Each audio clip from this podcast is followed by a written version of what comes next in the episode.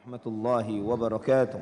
وعليكم السلام ورحمة الله وبركاته. إن الحمد لله نحمده ونستعينه ونستغفره ونعوذ بالله من شرور أنفسنا وسيئات أعمالنا. من يهده الله فلا مضل له ومن يضلل فلا هادي له. أشهد أن لا إله إلا الله وحده لا شريك له. وأشهد أن محمدا عبده ورسوله لا نبي بعده. اللهم صل وسلم وبارك على عبدك ونبيك محمد وعلى آله وصحبه ومن اهتدى بهديه إلى يوم القيامة قال الله جل وعلا يا أيها الذين آمنوا اتقوا الله حق تقاته ولا تموتن إلا وأنتم مسلمون أما بعد Saudaraku, saudariku fillah rahimani wa rahimakumullah. Alhamdulillah, segala puja dan puji hanya untuk Allah Subhanahu wa taala Rabbul Alamin. Allah Subhanahu wa taala satu-satunya yang berhak untuk disembah dan diibadahi. Allah Subhanahu wa taala yang mengenalkan kepada kita melalui ayat-ayat yang diciptakannya dan ayat-ayat yang diturunkannya. Allah Subhanahu wa taala yang mengutus Muhammad ibn Abdullah sallallahu alaihi wasallam yang kehidupannya merupakan hujjah merupakan bukti kebenaran akan kemahabenaran Allah Subhanahu wa taala dan semua apa yang disabdakan oleh Rasulullah SAW apa yang beliau sampaikan baik ayat-ayat Al-Quran maupun sunnah-sunnah Nabi Sallallahu Alaihi Wasallam dari sabda-sabda beliau adalah hak ucapannya adalah hak janjinya adalah hak. Dan ikhwatal iman rahimani wa rahimakumullah. Pembahasan kita di pagi menjelang siang hari ini adalah pembahasan yang terpenting sepanjang kedatangan saya di materi dari semua materi yang kita sampaikan di kota Kendari ini. Pembahasan ini adalah pembahasan tingkatan iman tertinggi. Sebagaimana sabda Nabi sallallahu alaihi wasallam al imanu sittun wa fi riwayatin sab'un wa sittuna syu'bah. Bid'un wa sittuna syu'bah wa fi riwayatin bid'un wa sab'una syu'bah a'laha la ilaha illallah wa adnaha imatatul adha 'anit tariq iman itu 60 lebih cabangnya dalam riwayat yang lain 70 lebih cabangnya tertingginya cabang keimanan adalah la ilaha illallah. Ini tertingginya cabang keimanan. Wa adnaha imatatul adza 'anit tariq. Yang terendahnya adalah menghilangkan gangguan yang ada di jalan. Wal haya'u syu'batun minal iman. Dan sifat malu adalah salah satu cabang dari keimanan. Ini mengajarkan dan menunjukkan kepada kita bahwa semua hal kebajikan semua hal yang menjelaskan akan yang ma'ruf dan mencegah dari yang munkar bagian dari cabang-cabang keimanan. Dan puncak dari cabang keimanan yang tertingginya adalah la ilaha illallah. Tidak ada yang berhak disembah kecuali Allah Subhanahu wa taala. Maka tidaklah diutus para nabi dan para rasul kecuali misi utama mereka di samping mereka menjelaskan pasti mereka menjelaskan tentang kemurnian akhlak dan budi pekerti pasti mereka mengajarkan tentang tata cara ibadah pasti tapi inti ajaran mereka yang Allah Subhanahu wa taala banyak kisahkan di dalam Al-Qur'an adalah ya qaumi ibudullaha ma lakum min ilahin ghairu wahai kaumku sembahlah Allah Subhanahu wa taala semata karena kalian tidak memiliki sesembahan yang layak disembah kecuali Dia. Ikhwatal iman rahimani wa rahimakumullah. La ilaha illallah atau beriman kepada Allah Subhanahu wa taala dan kufur terhadap segala sesembahan yang disembah selain Allah adalah tali yang kokoh, tali yang kuat. Yang barang siapa yang berpegangan dengan tali ini dia pasti selamat dan barang siapa yang meninggalkannya dia pasti merugi. Allah Subhanahu wa taala berfirman di surat Al-Baqarah ayat 256. La ikraha fid din. Qad tabayyana ar-rusydu minal ghayy. فمن يكفر بالطاغوت ويؤمن بالله فقد استمسك بالعروة الوثقى لا انفصام لها والله سميع عليم tidak ada paksaan di dalam beragama telah jelas jalan petunjuk dan jalan yang tersesat maka barang siapa yang kufur terhadap tauhid kufur terhadap segala yang disembah selain Allah dan beriman kepada Allah faqad istamsaka bil urwatil wuthqa. Maka sungguh dia telah berpegang dengan tali yang sangat kuat. Fisamalah yang tidak akan terputus. Wallahu sami'un alim. Dan Allah Maha mendengar dan Maha mengetahui. Maka ikhwatal iman rahimani wa rahimakumullah ayat ini menunjukkan kepada kita bahwa iman kepada Allah tidak cukup hanya dengan percaya kepada Allah saja tapi harus yakfur bitaghut wa yu'min billah. Kufur kepada tauhid dan beriman kepada Allah. Ini baru disebut iman kepada Allah Subhanahu wa taala. Maka insyaallah kita akan menguraikan, kita akan belajar pada kesempatan ini pilar-pilar iman kepada Allah Subhanahu wa taala. Apa saja yang harus ada pada diri seseorang yang dia mengatakan dirinya beriman kepada Allah. Yang artinya ketika pilar-pilar ini ada yang berkurang maka keimanannya kepada Allah Subhanahu wa taala cacat. Syekh Muhammad bin Saleh Al-Utsaimin rahimahullah dalam banyak risalah-risalah beliau beliau menjelaskan ada empat hal mendasar yang harus diyakini bagi mereka yang beriman kepada Allah Subhanahu wa taala. Maka dengan empat hal ini benarlah imannya kepada Allah Subhanahu wa taala. Jika kurang satu, catatlah imannya kepada Allah Subhanahu wa taala. Empat hal ini harus ada. Harus ada pada diri kita. Kita harus tahu ilmunya. Harus paham. Karena ini ilmu yang wajib kita ketahui, ilmu yang bakal ditanyakan kepada kita di kubur kita merebuk siapa Tuhanmu, kita tidak akan benar dan mantap mengatakan Rabbi Allah kecuali kita memahami empat hal ini dengan benar dengan ilmu dan amal. Yang pertama dari empat hal ini adalah iman akan adanya Allah. Iman akan adanya Allah. Iman bahwa Allah itu ada. Ini yang pertama. Nanti satu demi satu kita akan uraikan. Yang kedua, beriman. Meyakini bahwa Allah subhanahu wa ta'ala satu-satunya Rabb. Satu-satunya Rabb. Satu-satunya Rabbul Alamin. Satu-satunya Tuhan yang mencipta seluruh makhluk. Yang mengatur. Memberi rizki, menghidupan dan kematikan. Nanti insya Allah kita akan jelaskan tentang makna Rabb.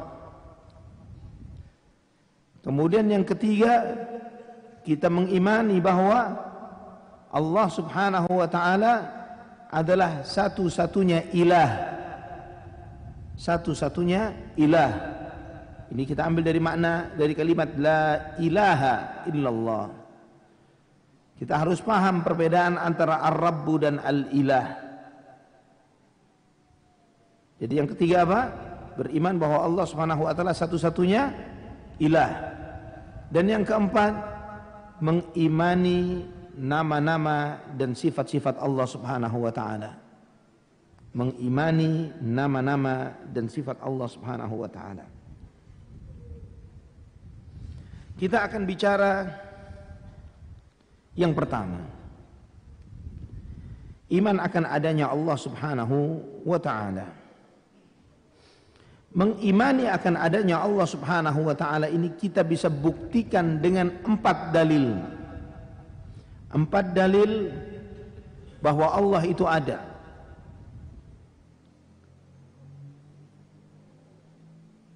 Yang pertama dalil fitrah.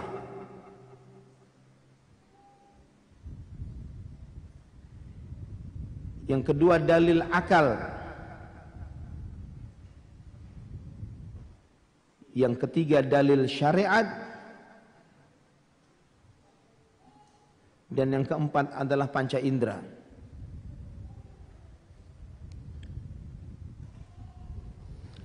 Kalau panca indera ini adalah yang dalam ilmu modern disebut empirik.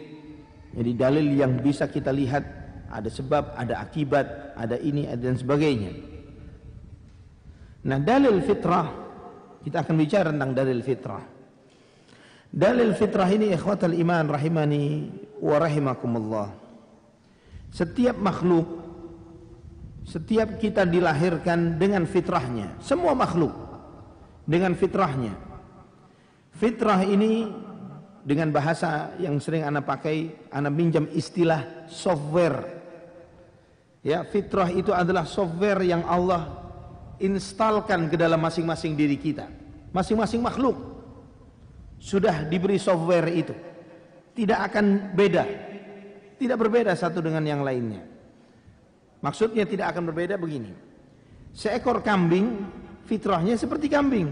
Tidak akan mungkin tiba-tiba muncul kambing keluar lahir kayak singa. Ya, tiba-tiba nggak doyan sayur maunya nerekam binatang berdaging. Singa pun demikian. Tidak akan muncul tiba-tiba singa doyan sayur. Ini sekedar hal untuk memudahkan antum memahaminya. Fitrah manusia juga demikian. Kalau fisik ini adalah hardwarenya, mata, kepala, tangan, kaki, telinga dan sebagainya. Fitrah adalah softwarenya. Dan fitrah ini hujjah, dalil. Karena walaupun antum tidak belajar, artinya belum memahami agama, belum ngaji dan sebagainya. Antum melihat orang teriak-teriak, ngamuk-ngamuk. Itu baik atau buruk? Buruk. Ketika antum melihat orang bertutur kata dengan santun, dengan baik, itu baik. Dalilnya apa? Nggak pakai dalil kita bisa tahu itu buruk, ini baik. Ketika antum melihat orang berbohong, antum katakan ini buruk. Ketika antum melihat orang jujur, ini baik. Apakah perlu pakai bukti dalil untuk membuktikan bahwa berbohong itu buruk dan jujur itu baik? Tidak butuh dalil. Karena fitrah ini telah jadi Allah jadikan dalil di dalam diri kita untuk mengetahui mana baik, mana buruk, mana benar, mana salah, mana manfaat dan mana madarat. Ini telah menjadi fitrah kita. Antum misalnya disajikan, nih Ustaz, ada secangkir teh enak nih, masya Allah. Tapi di sini ada empat tetes racun. Ya, diminum nggak? Nggak perlu pakai tanya dalilnya apa kalau racun itu haram. Ya, antum dengan fitrah tahu ini racun harus dijauhi. Nah ikhwatal iman rahimani wa rahimahullah. Di antara fitrah yang Allah tanamkan kepada manusia adalah fitrah meyakini satu Tuhan. Meyakini satu Tuhan. Ini di antara fitrah. Maka antum melihat para arkeolog arkeolog ini melakukan penelitian mencari jejak-jejak peradaban dia mencari jejak peradaban ini, jejak peradaban itu dan lain sebagainya. Tidak pernah ada satu peradaban pun yang ateis. Setiap peradaban mesti mereka menemukan tempat peribadatan. Ini tempat pemujaan atau tempat peribadatan. Menunjukkan apa? Menunjukkan bahwa semua peradaban manusia meyakini akan adanya Allah atau akan adanya Tuhan. Jadi menunjukkan kepada kita kaum ateis tidak punya nenek moyang. Mereka tiba-tiba saja nongol di tengah jalan. Ya, tidak memiliki nenek moyang. Ini di antara hujah fitrah. Dan juga dalil fitrah yang antum lihat di negeri ini. Sila pertama siap apa itu? Ketuhanan yang Maha Esa. Padahal perumusnya ini beragam agama. Padahal jika antum bertanya kepada Nasrani, kepada Hindu, kepada Buddha, kepada yang lainnya, mereka memiliki macam-macam sesembahan.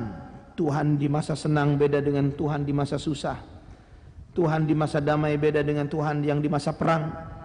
Tuhan pagi beda dengan Tuhan sore. Semuanya mereka punya musimnya. Kadang tahun ini tahun gajah, besok kodok, besok lagi babi, besok beragam macam Tuhan yang mereka sembah ini. Subhanallah. Namun kalau antum katakan kepada mereka, saya perhatikan agama kalian ini Kalian meyakini banyak Tuhan ya.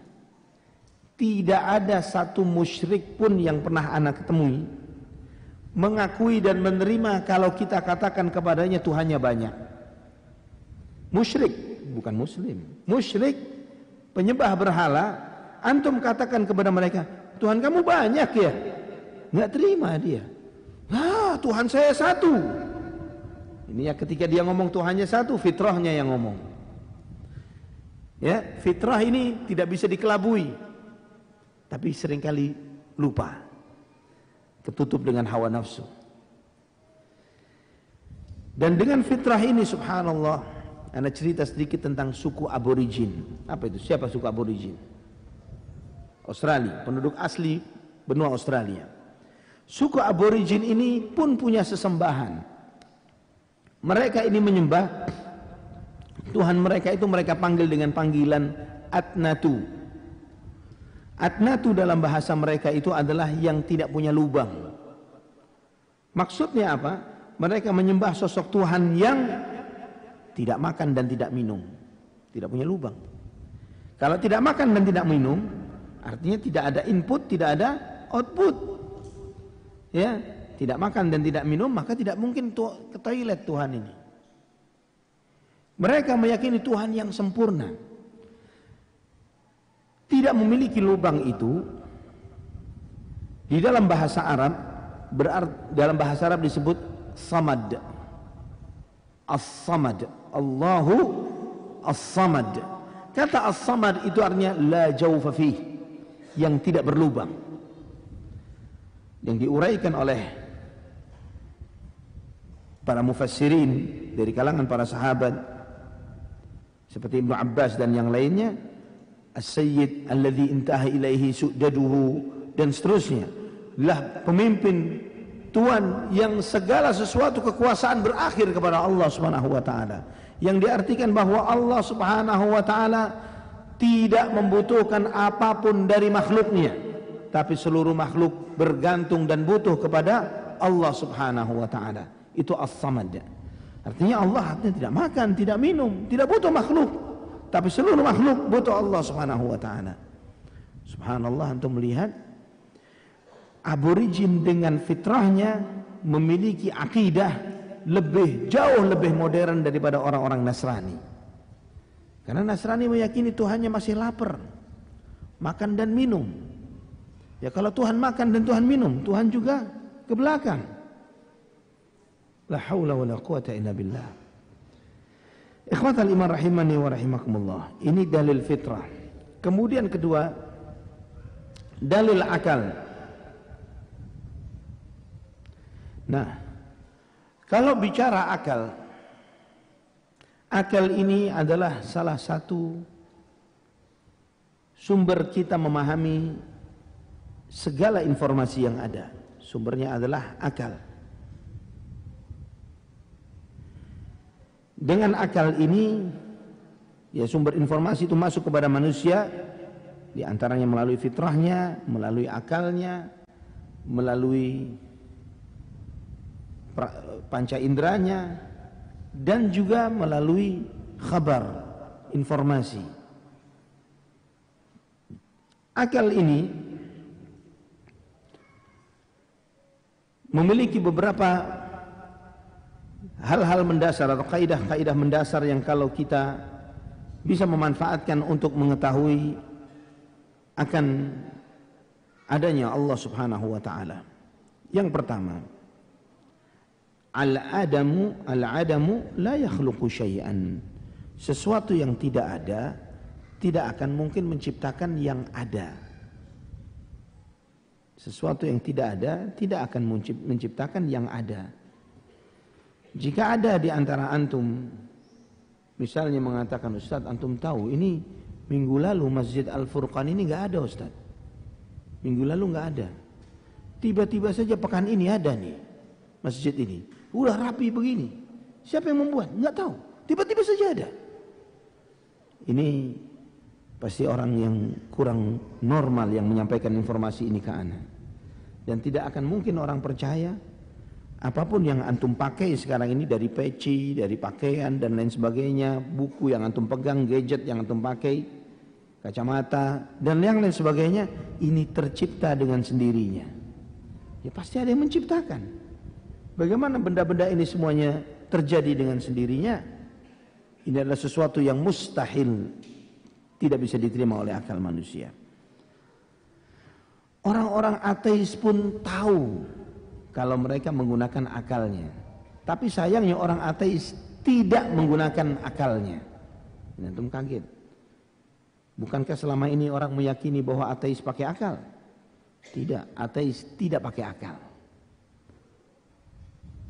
Dia cuma menggunakan panca inderanya saja. Tapi tidak menggunakan akalnya. Dia hanya percaya, saya hanya percaya Tuhan kalau saya bisa melihat. Ini menunjukkan tidak pakai akal. Ya. Padahal di dalam kehidupannya sehari-hari dia banyak percaya banyak hal walaupun tidak melihatnya. Contohnya apa? Kita percaya hal-hal walaupun kita tidak melihatnya. Paling sederhana, kedua orang tua kita. Siapa yang melihat dirinya dilahirkan? Dan sehingga kita tahu eh benar waktu saya lahir ini ibu saya, itu bapak saya. Enggak. Tapi ketika kita besar diberitahu ini ayahmu, ini ibumu. Dan kita percaya. Apa dasarnya kita percaya ini? Karena informasi dan berita. Itu baru pakai akal. Kalau cuma sekedar mengatakan, kalau ada buktinya saya bisa melihat, tandanya saya percaya. Kalau nggak bisa melihat, saya nggak bisa percaya, nggak mau percaya. Ini menunjukkan bahwa mereka tidak pakai akal. Ikhwafillah rahimani wa rahimakumullah. Maka pernah terjadi dialog antara Al-Imam Abu Hanifah rahimahullah dengan orang-orang ateis. Ketika mereka mendebat Imam Abu Hanifah dengan mengatakan bahwa tidak ada Tuhan. Semua ini terjadi dengan sendirinya. Maka Imam Abu Hanifah bilang saya lagi sibuk besok kalian balik aja deh.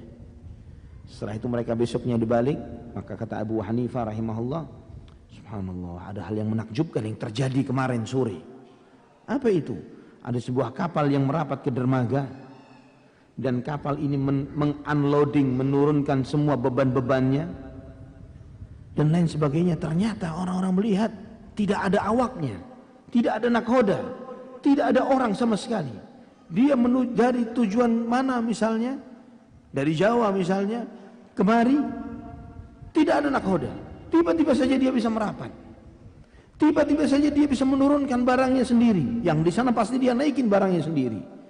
Maka orang-orang ateis ini mengatakan, Ya Abu Hanifah, kami kira kami menghadapi orang yang waras dan berakal.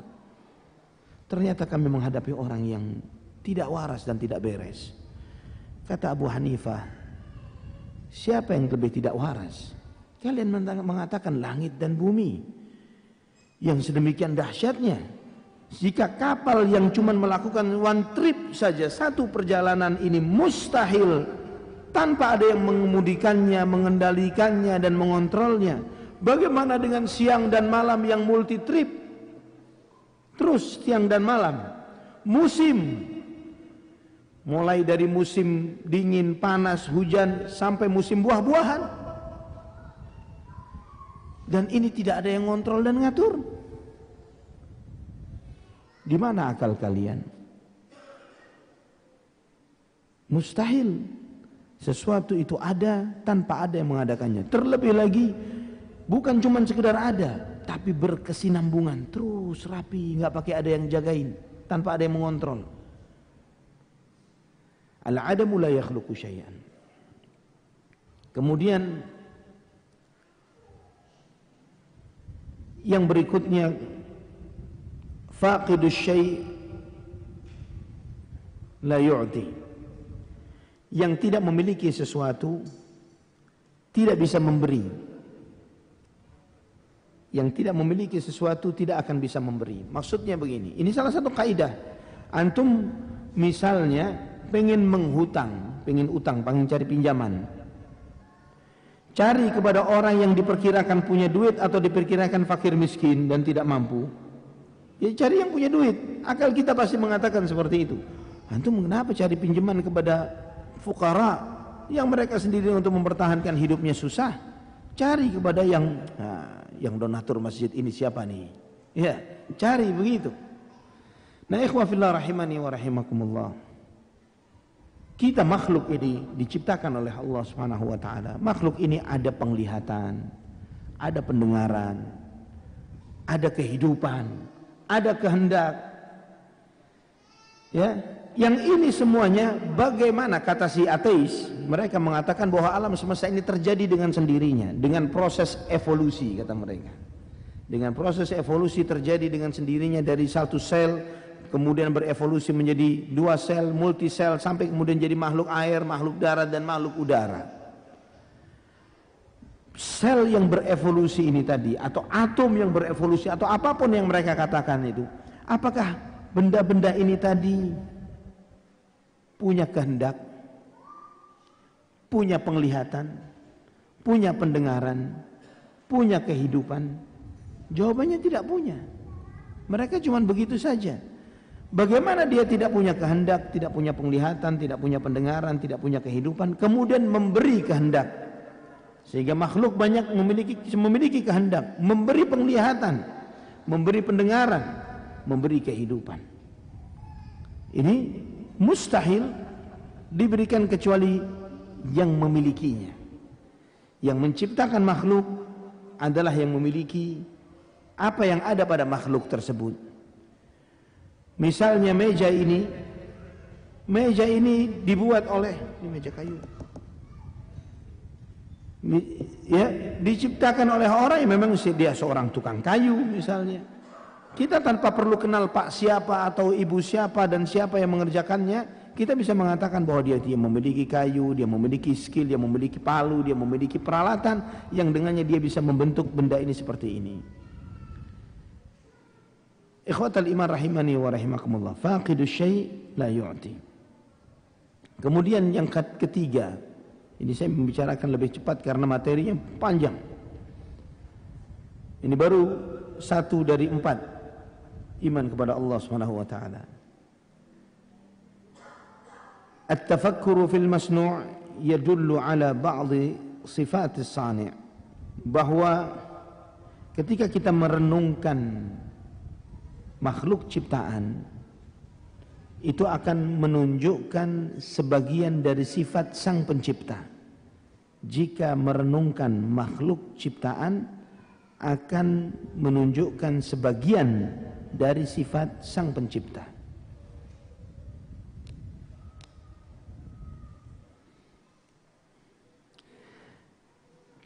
Anda tambahkan sedikit di yang poin yang kedua yang tidak punya sesuatu tidak akan bisa memberi. Ini contohnya sering kali orang-orang ateis dulu ini sering diskusi terkait dengan mana lebih dulu ayam atau telur. Benar ya? Telur dulu atau ayam dulu, ayam dulu atau telur dulu. Antum jangan kejebak dengan pertanyaan ini, tanya kepada mereka. Sebelum sebelum ayam atau telur ayam ada, makanan untuk ayam sudah ada belum? Tanya. Kira-kira sudah ada belum makanan untuk ayam? Ya pasti sudah ada.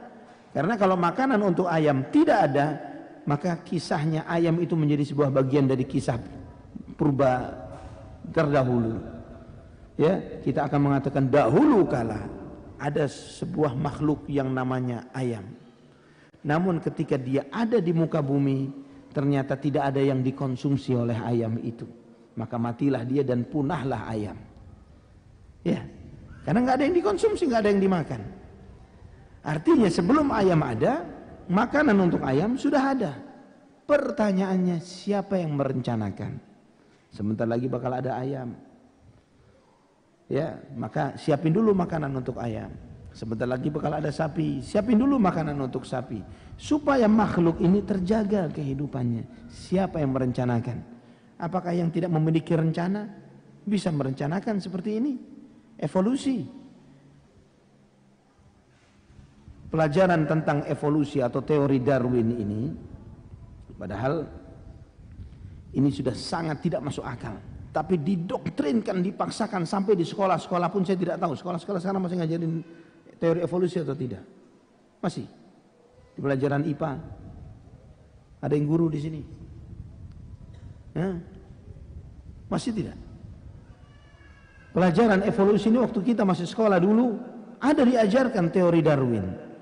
Kita dibuat dari makhluk setengah manusia setengah monyet. Iya. Pithecanthropus erectus. Apalagi gitu ya sampai jadi manusia. Subhanallah setelah besar, setelah kita berakal, kita baru sadar ternyata kita nggak tahu siapa yang membohongi. Apakah guru di sekolahan? Ya, ataukah yang membuat konsep pendidikan ini tadi memaksakan suatu hal yang secara akal nggak ada dasarnya. Secara agama, agama mana yang meyakini evolusi? Agama yang ada di negeri ini yang percaya bahwa manusia diciptakan dari teori evolusi. Tidak ada. Ini bertentangan di sila pertama, tapi disisipkan di dalam sistem pendidikan kita. Subhanallah, secara logika nggak masuk akal.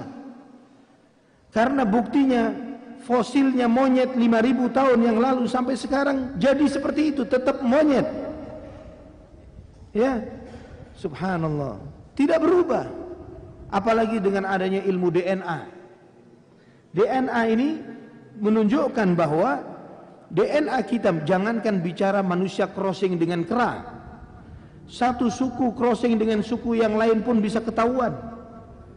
Ya. Ini dari keturunan suku ini, dari keturunan suku ini ketahuan. Dan mustahil orang memiliki crossing dengan kera. Mau maksain antum jatuh cinta kepada monyet dan ingin nikah dengannya nggak bakal punya keturunan karena beda DNA. Kan sekarang zaman-zaman nggak beres. Sejenis minta dilegalkan.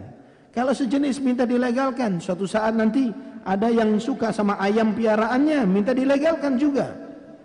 Ada lagi yang suka sama motornya, minta dikawinkan dengan motor. Ya, ini jadi beragam ketidakwarasan yang minta dilegalkan dan memaksa yang waras supaya tidak waras seperti mereka. La haula wala quwata illa billah.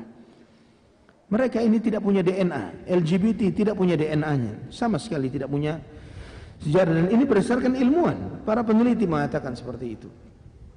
Juga sederhana. Antum meruntuhkan teori Darwin ini sangat sederhana. Karena Darwin itu kan mengatakan eh, apa namanya teori itu berdasarkan penelitian, katanya begitu, berdasarkan penelitian. Tapi anehnya, uniknya penelitian yang dia buat ini tidak punya bukti sejarah, bukti ilmiah. Antum tanya kepada orang yang percaya teori evolusi. Evolusi itu terjadi pada berapa malam? Ya bukan malam hitungannya, ribuan tahun kata mereka begitu. Terjadi prosesnya selama ribuan tahun. Kalau terjadi selama prosesnya ribuan tahun, maka ada proses dari makhluk air ke makhluk darat. Kan tidak tiba-tiba malam malam ini ikan besok jadi kuda gitu misalnya. Kan ada proses dari makhluk air ke makhluk darat sehingga muncullah binatang yang menurut logika evolusi keluar kakinya. Begitu kan? Apakah kira-kira keluarnya satu, dua atau ribuan? Karena prosesnya ribuan tahun. Harusnya ribuan dong. Harusnya ribuan proses ini terjadi, ribuan atau mungkin jutaan. Yang kemudian berpindahlah dari makhluk setengah ikan, setengah makhluk kadal misalnya. Dan ini ada ribuan, setengah ikan, setengah kuda misalnya, yang seperti itu, seperti di film-film Hollywood, ya. Makhluk setengah ini setengah itu, dan bakal banyak fosilnya, karena bukan terjadi semalam dua malam, tapi ribuan tahun, tapi satu pun nggak ada, satu pun tidak ada, tidak ada satupun fosil makhluk antara antara air atau darat, antara darat dengan udara, ya, tidak ada fosil antara makhluk ini dan itu. Ini menunjukkan bahwa yang benar sebagaimana yang Allah firmankan bahwa Allah menciptakan makhluk ciptaannya. Yang sampai hari ini para ilmuwan biologi pun sampai terus menemukan makhluk-makhluk baru, spesies-spesies baru yang membuat subhanallah ada makhluk baru yang kita nggak pernah tahu dari kecil. Pernah antum melihat seperti itu? Pernah tahu ada seekor kodok yang dia mematikan dirinya selama enam bulan. Mati. Peredaran darahnya berhenti. Jantungnya pun berhenti. Jantungnya berhenti, peredaran darahnya berhenti. Dia membeku dengan membekunya es. Ketika setelah enam bulan proses es itu meleleh, dia menghidupkan dirinya lagi sendiri. Pernah tahu? Kurang jauh ngopinya. Iya. Harus sering tahu tentang tafakur tentang makhluk Allah. Walaupun orang-orang kafir yang melakukan itu, kita melihat banyak National Geography, ya Jangan nonton acara konser-konser saja. Tapi yang seperti ini menunjukkan makhluk Allah subhanallah. Bagaimana Allah subhanahu wa ta'ala menciptakan makhluknya. Setiap saat selalu ada makhluk baru yang Allah tunjukkan kepada kita. Yang dahulu tidak pernah di, ada dan diberi nama. Nah tentang yang dalil yang akal yang kaidah yang ketiga. Memikirkan makhluk menunjukkan sebagian dari sifat khalik semua apa yang objek ciptaan yang kita lihat, gadget yang antum pegang misalnya, ini menunjukkan bahwa yang menciptakannya adalah seorang ahli elektronik yang luar biasa.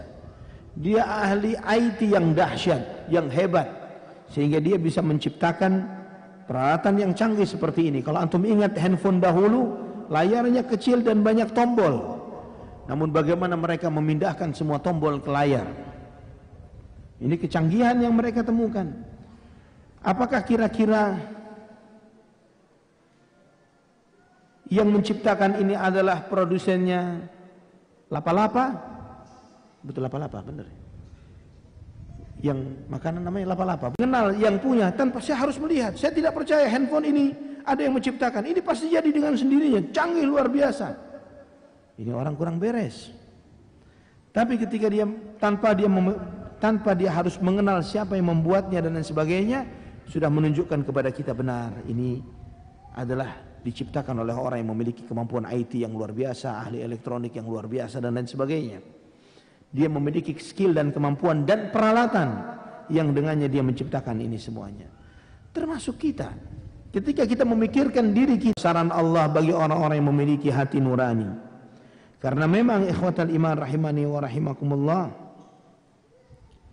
Di dalam apa yang Allah tunjukkan di dalam makhluk ini menunjukkan akan kemahaagungan Allah Subhanahu wa taala bahwa Allah ada Allah Maha Mulia menunjukkan sebagian dari sifat-sifatnya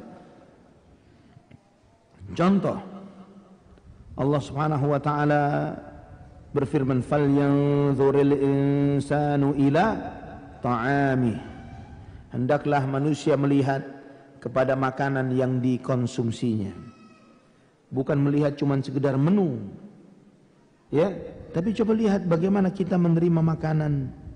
Bagaimana makanan ini sampai kepada kita. Ketika kita di dalam rahim ibu kita, semua makanan kebutuhan tubuh kita ini disuplai dari satu satu jalur yaitu plasenta atau ari-ari. Dari situ kita butuh makan, butuh minum dan lain sebagainya.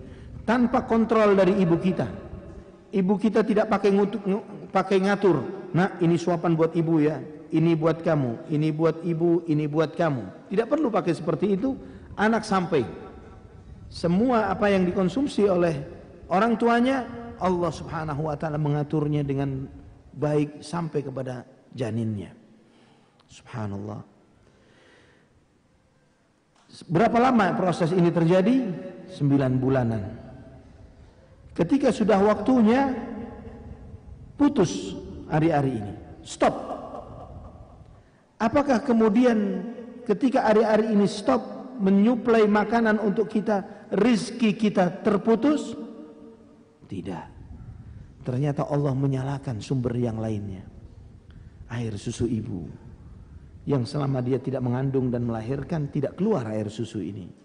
Tapi kemudian dimunculkanlah air susu ibu sebagai makanan terbaik untuk bayi yang sampai hari ini tidak ada produsen susu form, susu formula sehebat apa pun pabrik mereka bisa menciptakan sekualitas ASI.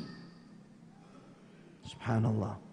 Bahkan penelitian modern kalau antum mengikuti penelitian modern pun menunjukkan bahwa kualitas ASI yang diproduksi oleh ibu ini sesuai dengan kondisi keadaan si bayi.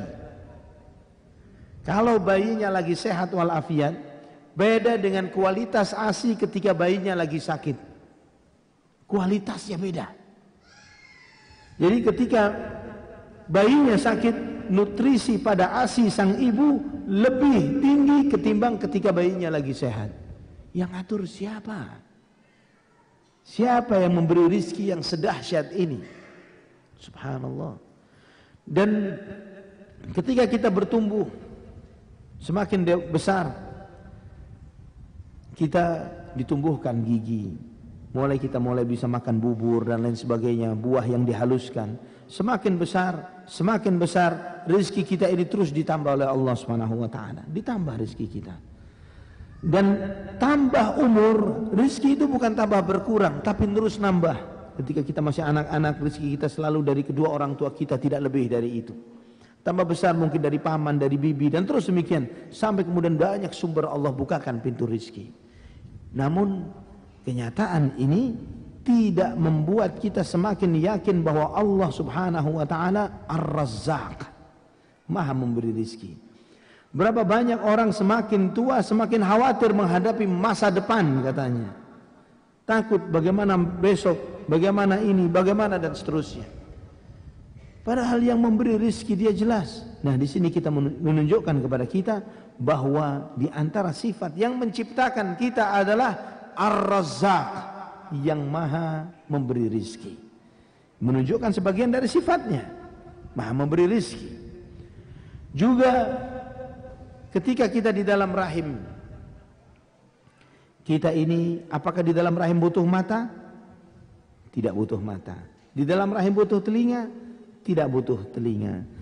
Di dalam rahim butuh tangan dan kaki? Kita nggak jalan-jalan di dalam rahim ibu kita. Kita tidak butuh tangan dan kaki. Bahkan apakah di dalam rahim butuh paru-paru? Butuh paru-paru nggak dalam rahim? Bayi dalam rahim nafas tidak? ada yang tahu? Kan semua berpengalaman jadi bayi.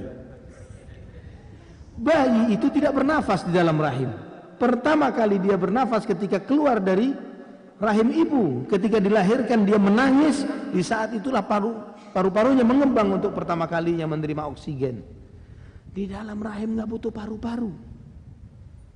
Tapi sudah disiapkan oleh Allah Subhanahu wa taala. Sudah disiapkan. Karena memang kita tidak selamanya di dalam rahim ibu. Ini menunjukkan bahwa yang menciptakan kita adalah Al-Alim yang maha mengetahui. Bahwa nanti dia akan besar, dia akan keluar, dia akan butuh mata, dia butuh tangan, dia butuh kaki, dia butuh paru-paru. Dan yang menciptakan kita adalah Al-Musawwir yang membentuk makhluknya dengan sesuai dengan kehendaknya. Antum jika memikirkan postur tubuh kita ya iman rahimani wa rahimakumullah. Ini anak mengajak untuk kita juga jangan jauh-jauh tafakur yang ke langit, bumi, gunung, kejauhan. Diri kita sendiri. Al-musawwir artinya yang membentuk makhluknya dengan sempurna. Kalau antum pikirkan posisi postur tubuh kita ini, luaran dan dalemannya Antum ketika memikirkan bagaimana kalau letaknya ini di sini ya, kalau letaknya itu di situ. Ketika antum mau merubah, pasti nggak ketemu pasnya. Misalnya telinga di tempatnya mata, mata di tempatnya telinga. Misalnya begitu. Tangan di dada. Misalnya. Nggak pas. Tidak sesuai. Posisi antara mata, hidung, mulut, dagu, kepala, tubuh, tangan dan kaki yang paling sempurna sudah seperti ini. Ini menunjukkan bahwa yang menciptakan kita adalah Al-Musawwir yang membentuk wujud makhluknya sesuai dengan kehendaknya dan sangat sempurna makhluk ciptaannya. Laqad khalaqnal insana fi ahsani taqwim. Subhanallah, ini kita jarang mikirkan diri kita. Sekarang anak ajak untuk mikirin diri kita. Ini menunjukkan bahwa sifat salah satu sifat yang menciptakan kita adalah al-musawwir. Kemudian juga al-hakim, maha bijaksana. Sangat bijaksana Allah Subhanahu wa taala menciptakan kita ini. Tepat. Mata di atas, kemudian hidung, kemudian mulut. Apa jadinya kalau mata di lutut? Atau mata di tempat mata kaki? Ya. Dan juga kita ini ikhwatal iman. Contoh rambut aja di kepala kita, di tubuh kita ini. Ada rambut, kepala, alis, kumis, janggut di tubuh kita. Tumbuhnya rambut di tubuh kita ini karena apa yang kita konsumsi, makanan dan minuman. Benar ya? Kalau kita nggak makan dan minum, ya berkurang melambat sampai dia nggak tumbuh lagi kalau kitanya mati. Tapi percepatan tumbuh rambut antara rambut kepala dengan alis, dengan bulu mata dan kumis, sama atau beda? Beda. Siapa yang ngatur? Apa jadinya kalau percepatan tumbuhnya rambut sama alis sama? Susah kita menjalani. Siapa yang mengatur ini? Al-Hakim. Al-Hakim Allah Subhanahu wa taala. Kemudian juga kita ini ikhwatal iman rahimani wa rahimakumullah. Kita ini gudangnya kotoran. Dari rambut sampai kaki penuh dengan kotoran. Yang mengajarkan membuat kita ini jangan sampai menjadi orang yang sombong. Rambut kita tempatnya kotoran, mata kotoran, hidung kotoran, mulut kotoran, telinga kotoran. Tubuh kita gudangnya kotoran. Dan subhanallah kotoran yang keluar dari satu tempat dengan tempat yang lainnya berbeda. Apa jadinya kotoran yang biasa keluar dari hidung keluar dari mata? Ya. Atau yang dari bawah keluar dari mulut. Waliyadzubillah. Ini Al-Hakim. Menunjukkan kepada kita bahwa yang menciptakan kita maha bijaksana. Kita diberi mata, kita diberi telinga, kita diberi kehidupan, menunjukkan bahwa yang menciptakan kita adalah As-Sami'ul Basir, Al-Hayyul Qayyum. Kita memikirkan makhluk menunjukkan sebagian dari sifat Al-Khaliq. Bagaimana kalau antum keluar dari diri ini kemudian kita memikirkan bagaimana bumi, bagaimana lautan, bagaimana daratan, bagaimana gunung, bagaimana bumi ini untuk menjadi tempat tinggal ikhwatal iman. Butuh beragam persiapan. Kalau antum pernah mempelajari tentang bintang-bintang dan tata surya ini, sejumlah bintang-bintang yang sejumlah planet yang ada di sekitaran bumi, sebagiannya adalah murni gas. Bulatan gas. Kalau gas, antum nggak bisa berpijak di sana nggak bisa numpang transit saja nggak bisa nggak ada pijakannya karena gas gas yang luar biasa ada lagi di tempat lain planet keras yang luar biasa antum pernah tahu ada namanya planet namanya diamond planet planet dari diamond apa bahasa Indonesia diamond berlian dari berlian planet dari berlian pernah tahu ada planet lebih besar dari bumi. Kalau tidak salah lebih besar bahkan dari matahari. Planet berlian. Kalau antum singgah ke sana mendadak kaya. Ya. Tapi susahnya tinggal di sana. Antum tidak bisa bercocok tanam. Karena berlian. Batu yang paling keras di alam semesta. Bagaimana antum mau mencangkulnya? Biji antum tanam gak bakal tumbuh. Bagaimana bumi ini tanahnya tidak terlalu gembur membuat kita kejeblos kalau kita nginjak.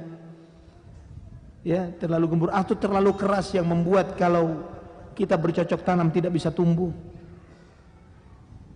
Kemudian adanya gravitasi di planet lain nggak ada gravitasi yang membuat kita ini dan gravitasi ini ada ukurannya tidak terlalu berat sehingga kalau kita melangkah harus angkat kaki diangkat kaki kita Bayangkan kalau gravitasi ini diberatkan sedikit oleh Allah Subhanahu wa taala, ya.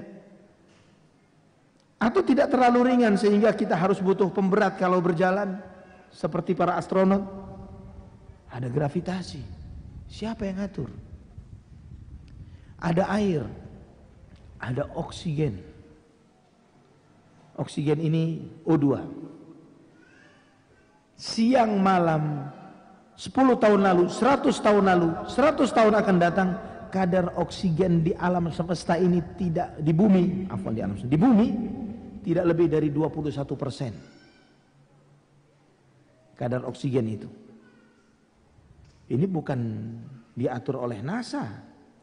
Siapa yang ngatur kadar oksigen tidak lebih dari 21%? Karena kalau lebih dari itu, oksigen ini zat yang mudah terbakar.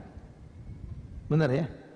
Kalau antum terjadi kebakaran, antum hilangkan sumber oksigen masuk kepada kebakaran itu, tutup dengan kain basah atau selimut basah, tep, karena tidak ada oksigen, mati dia. Kebakaran itu semakin luar biasa karena adanya oksigen. Kadar ini siapa yang ngatur? Siang malam tetap sama. Atmosfer. Sinar jarak matahari. Apa jadinya matahari kalau didekatkan sekian mil atau sekian kilometer ke bumi atau dijauhkan? Kalau semakin dekat membuat semua permukaan bumi ini menjadi meleleh. Kalau semakin jauh membeku. Kemudian Subhanallah. Ada orang yang mengatakan bahwa ini kebetulan Tidak ada yang merencanakan dan mengatur. Di mana akal mereka? Ini baru sebagian. Bumi yang Allah Waja'alnal jibala autada Kami jadikan gunung-gunung ini sebagai autad Pilar-pilar Tiang-tiang panjang. Karena kalau tidak ada gunung kita mempelajari bahwa bumi itu di dalamnya ini adalah lahar atau lava yang sangat besar, yang sangat luar biasa panas ya. Ya, kalau permukaan jadi seperti antum tahu jeruk, buah jeruk, anak nggak bisa ngupas nih. Kita ini lapisan luarnya ini seperti bumi yang kita pijak. Dalamnya lava yang lahar yang sangat panas. Dan bayangkan kalau tidak ada gunung, maka permukaan ini akan terus bergeser karena panasnya yang di dalam. Permukaan ini akan terus pindah-pindah. Kota Kendari tidak akan selalu di tempatnya. Bisa-bisa suatu saat bersebelahan dengan Bali atau dekat dengan Jakarta. Karena terus bergeser. Tapi dijadikan tiang-tiang pancang yang menghujam ke dalam bumi yaitu gunung-gunung. Kami jadikan gunung sebagai tiang-tiang pancangnya. Waja'alnal jibala autada. Ini semua yang Anda sampaikan ikhwatal iman hasil penelmuan ilmuwan modern yang mereka baru menemukan teori-teori ini. Yang mereka baru, oh ternyata gunung ini adalah tiang pancangnya bumi, dia menghujam. Yang kelihatan menonjol ke atas, ini ada akarnya yang menancap ke dalam. Yang membuat permukaan itu tetap di tempatnya. Dari mana Nabi Muhammad sallallahu alaihi wasallam al-ummi yang buta huruf bisa tahu ini semuanya? Kalau bukan dari wahyu dari Al-Alimul Khabir Al-Khallaqul Alim yang menciptakan seluruh makhluk. Ikhwah fillah rahimani wa rahimakumullah. Ini dalil akal. Kalau diteruskan enggak selesai kajian kita. Kemudian dalil yang ketiga Dalil syariat syariat. Nabi Muhammad sallallahu alaihi wasallam terlahir dan besar di kota Mekkah. Kota yang tidak memiliki peradaban, tidak punya cerita budaya. Tidak seperti Mesir yang dengan peradabannya yang hebat, tidak seperti Romawi, tidak seperti Persia dan banyak bangsa-bangsa besar yang ada di muka bumi. Cina misalnya. Arab tidak punya cerita peradaban. Peninggalan sejarah mereka Ka'bah. Bas, itu saja. Tidak punya cerita peradaban yang luar biasa. Mereka ahli baca tulis. Lah, mereka ummi, buta huruf. Mereka dari masyarakat yang mereka dihidup di tengah di kota yang atau di daerah yang tidak memiliki sumber daya alam. Waktu itu tidak ada sumber daya alam yang memena, yang menarik bagi para penjajah. Sehingga Mekah ini tidak pernah dijajah. Karena siapa yang mau minat? Apa yang dicari di sana? Tidak ada apa-apanya. Beda dengan Nusantara. Banyak daya tariknya untuk dijajah. Di sini saja ada emas, ada nikel, ya. Dan belum lagi sumber daya yang di atas bumi, tumbuh-tumbuhannya. Di Makkah tidak ada itu semuanya maka tidak pernah dijajah oleh Persia, tidak pernah dijajah oleh Romawi dan yang lainnya. Nabi Muhammad sallallahu alaihi wasallam sampai usia 40 tahunnya tidak pernah mengucapkan bait-bait syair. Tidak pernah belajar syair, baca tulis dan tidak pernah melantunkan bait-bait syair sama sekali. Tiba-tiba setelah usia 40 tahun, beliau mengucapkan kalimat-kalimat yang penuh hikmah dan sebagiannya sebagian besarnya mirip sesuai dengan kitab Taurat yang ribuan tahun muncul sebelumnya di Bani Israel dan kitab Injil yang enam, yang sekian ratus tahun sebelumnya di kalangan Bani Israel. Yang mengajarkan beriman kepada Allah beriman kepada para nabi dan para rasul dan yang lain sebagainya. Padahal Nabi SAW nggak pernah jalan-jalan ke Romawi jalan-jalan ke Palestina ya kecuali setelah jadi nabi perjalanan Isra tapi sebelumnya tidak ada cerita itu tapi bagaimana kemudian syariat ini bisa sama antara Nabi Muhammad sallallahu alaihi wasallam dengan nabi dari Bani Bani dari Bani Israel. Ini dalil syariat. Bagaimana bisa kitab suci yang muncul di, di zaman yang berbeda-beda pada manusia yang berbeda-beda dari suku bangsa yang berbeda-beda memiliki kesinambungan ajaran. Kalau bukan karena adanya satu sumber yang mewahyukan kepada mereka. Paham ya dalil syariat nih. Dan dalil syariat ini semakin kita mendalaminya semakin kuat. Semakin kita akan antum akan meyakini tidak mungkin ini wahyu ini buatan manusia. Al-Qur'an mustahil. Nabi Muhammad SAW menjadi nabi berapa tahun? Berapa tahun beliau menjadi nabi sampai wafat? 23 tahun hitungan qamariyah 23 tahun. Dalam 23 tahun beliau mengajarkan akidah. Dalam 23 tahun dia beliau mengajarkan konsep ibadah. Dalam 23 tahun dia mengajarkan konsep muamalah dari munakahat sampai jinayat. Hukum menikah sampai urusan kriminalitas sampai hubungan negara dengan negara. Dalam 23 tahun beliau mengajarkan tentang undang-undang peperangan dalam 23 tahun beliau mengajarkan tentang akhlak dan adab dari orang yang ummi.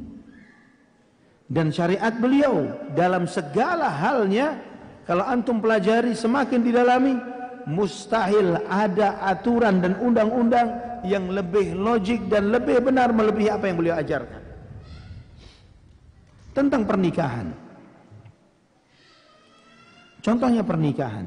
Bagaimana tentang adab khidbah nazar, ya nazar, khidbah, akdun nikah yang diajarkan dalam syariat ini. Tidak ada aturan kehidupan dunia, kehidupan sosial terkait laki-laki dan wanita yang lebih benar, lebih rapi dan menjaga kehidupan manusia melebihi ajaran nikah di dalam syariat Islam. Bahkan anda pernah melihat salah satu podcast yang dibuat oleh orang kafir, orang barat yang mengundang salah seorang muslim Kemudian si muslim ini ditanya, bagaimana kalian orang Islam ketika ingin menyukai seorang wanita? Maka si laki-laki itu mengatakan, saya kalau menyukai salah seorang wanita, kebetulan yang membawa acara ini seorang wanita. Misalnya saya menyukai anda, saya tidak bisa saya menghubungi anda secara langsung, tidak boleh. Saya harus menghubungi ayah anda. Misalnya ayah anda namanya John. Saya sampaikan, John, saya, luka, saya suka dengan putrimu. Saya ingin menikah dengan putrimu. Maka John akan melakukan penelitian, ya, akan mencoba mencari tahu siapa saya.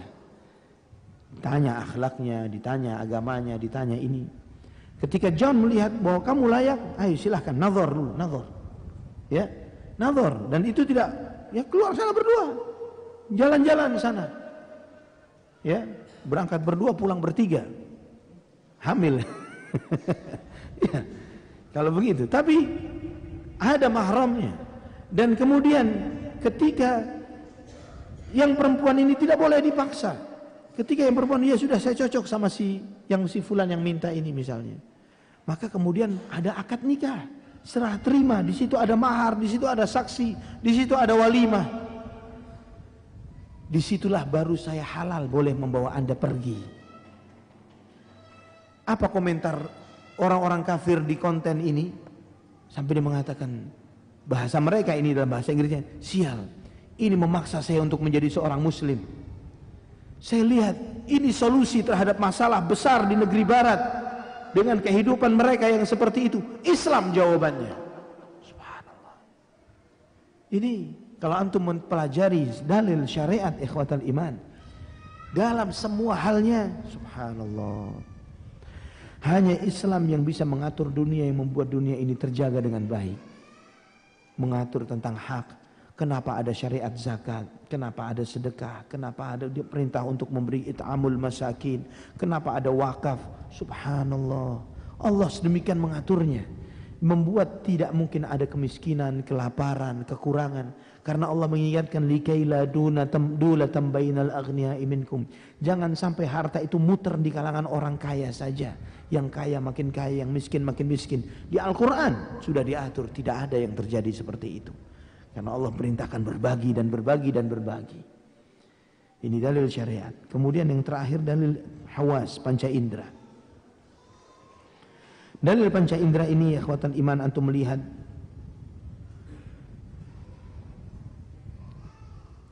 Berapa banyak di antara kita yang ketika mengalami kesusahan dan semua ikhtiar dan usaha kita kita kerahkan namun kita tidak mendapatkan jawaban. Kemudian setelah itu kita sudah nyerah sana sini dan kita berdoa. Ya Allah, pertolonganmu. Ya Allah, selamatkan kami. Ya Allah, saya menghadapi masalah besar. Saya tidak bisa keluar dari masalah ini. Pertolonganmu ya Allah. Ketika kita sudah tidak punya pegangan dan hanya pasrah tawakal kepada Allah, turun pertolongan Allah. Seberapa sering kita melihat teman, saudara, bahkan diri kita sendiri yang mengalami hal itu. Salat istisqa tiba-tiba turun hujan dan lain sebagainya. Nah, ikhwatal iman rahimani wa rahimakumullah. Ini menunjukkan apa yang kita lihat, apa yang kita dengar dari doa-doa yang dikabulkan. Ini menunjukkan akan adanya Allah Subhanahu wa taala.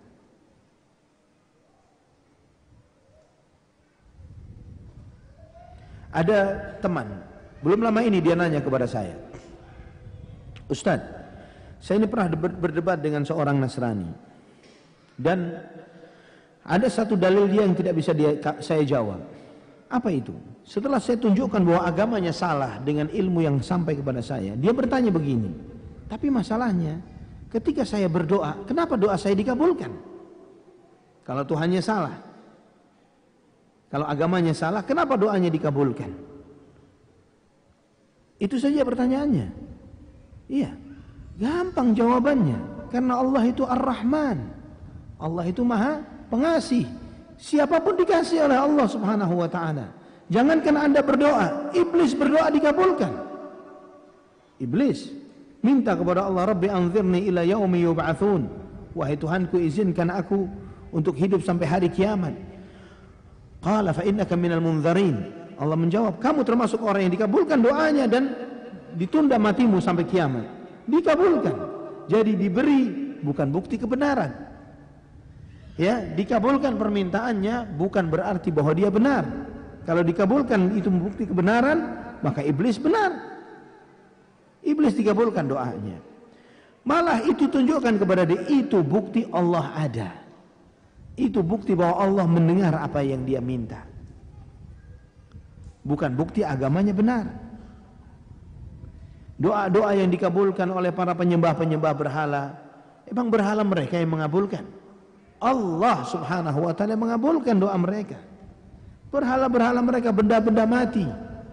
Makhluk-makhluk yang diciptakan. Ahya'un ghairu amwat. Mat, amwatun ghairu ahya. Mati dan mereka tidak hidup. Mereka ini adalah benda-benda mati yang tidak hidup. Bagaimana mereka mengabulkan permintaan yang hidup?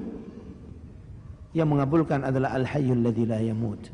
Yang mengabulkan adalah yang maha hidup dan tidak akan mati. Nah ini ikhwatal iman rahimani wa rahimakumullah.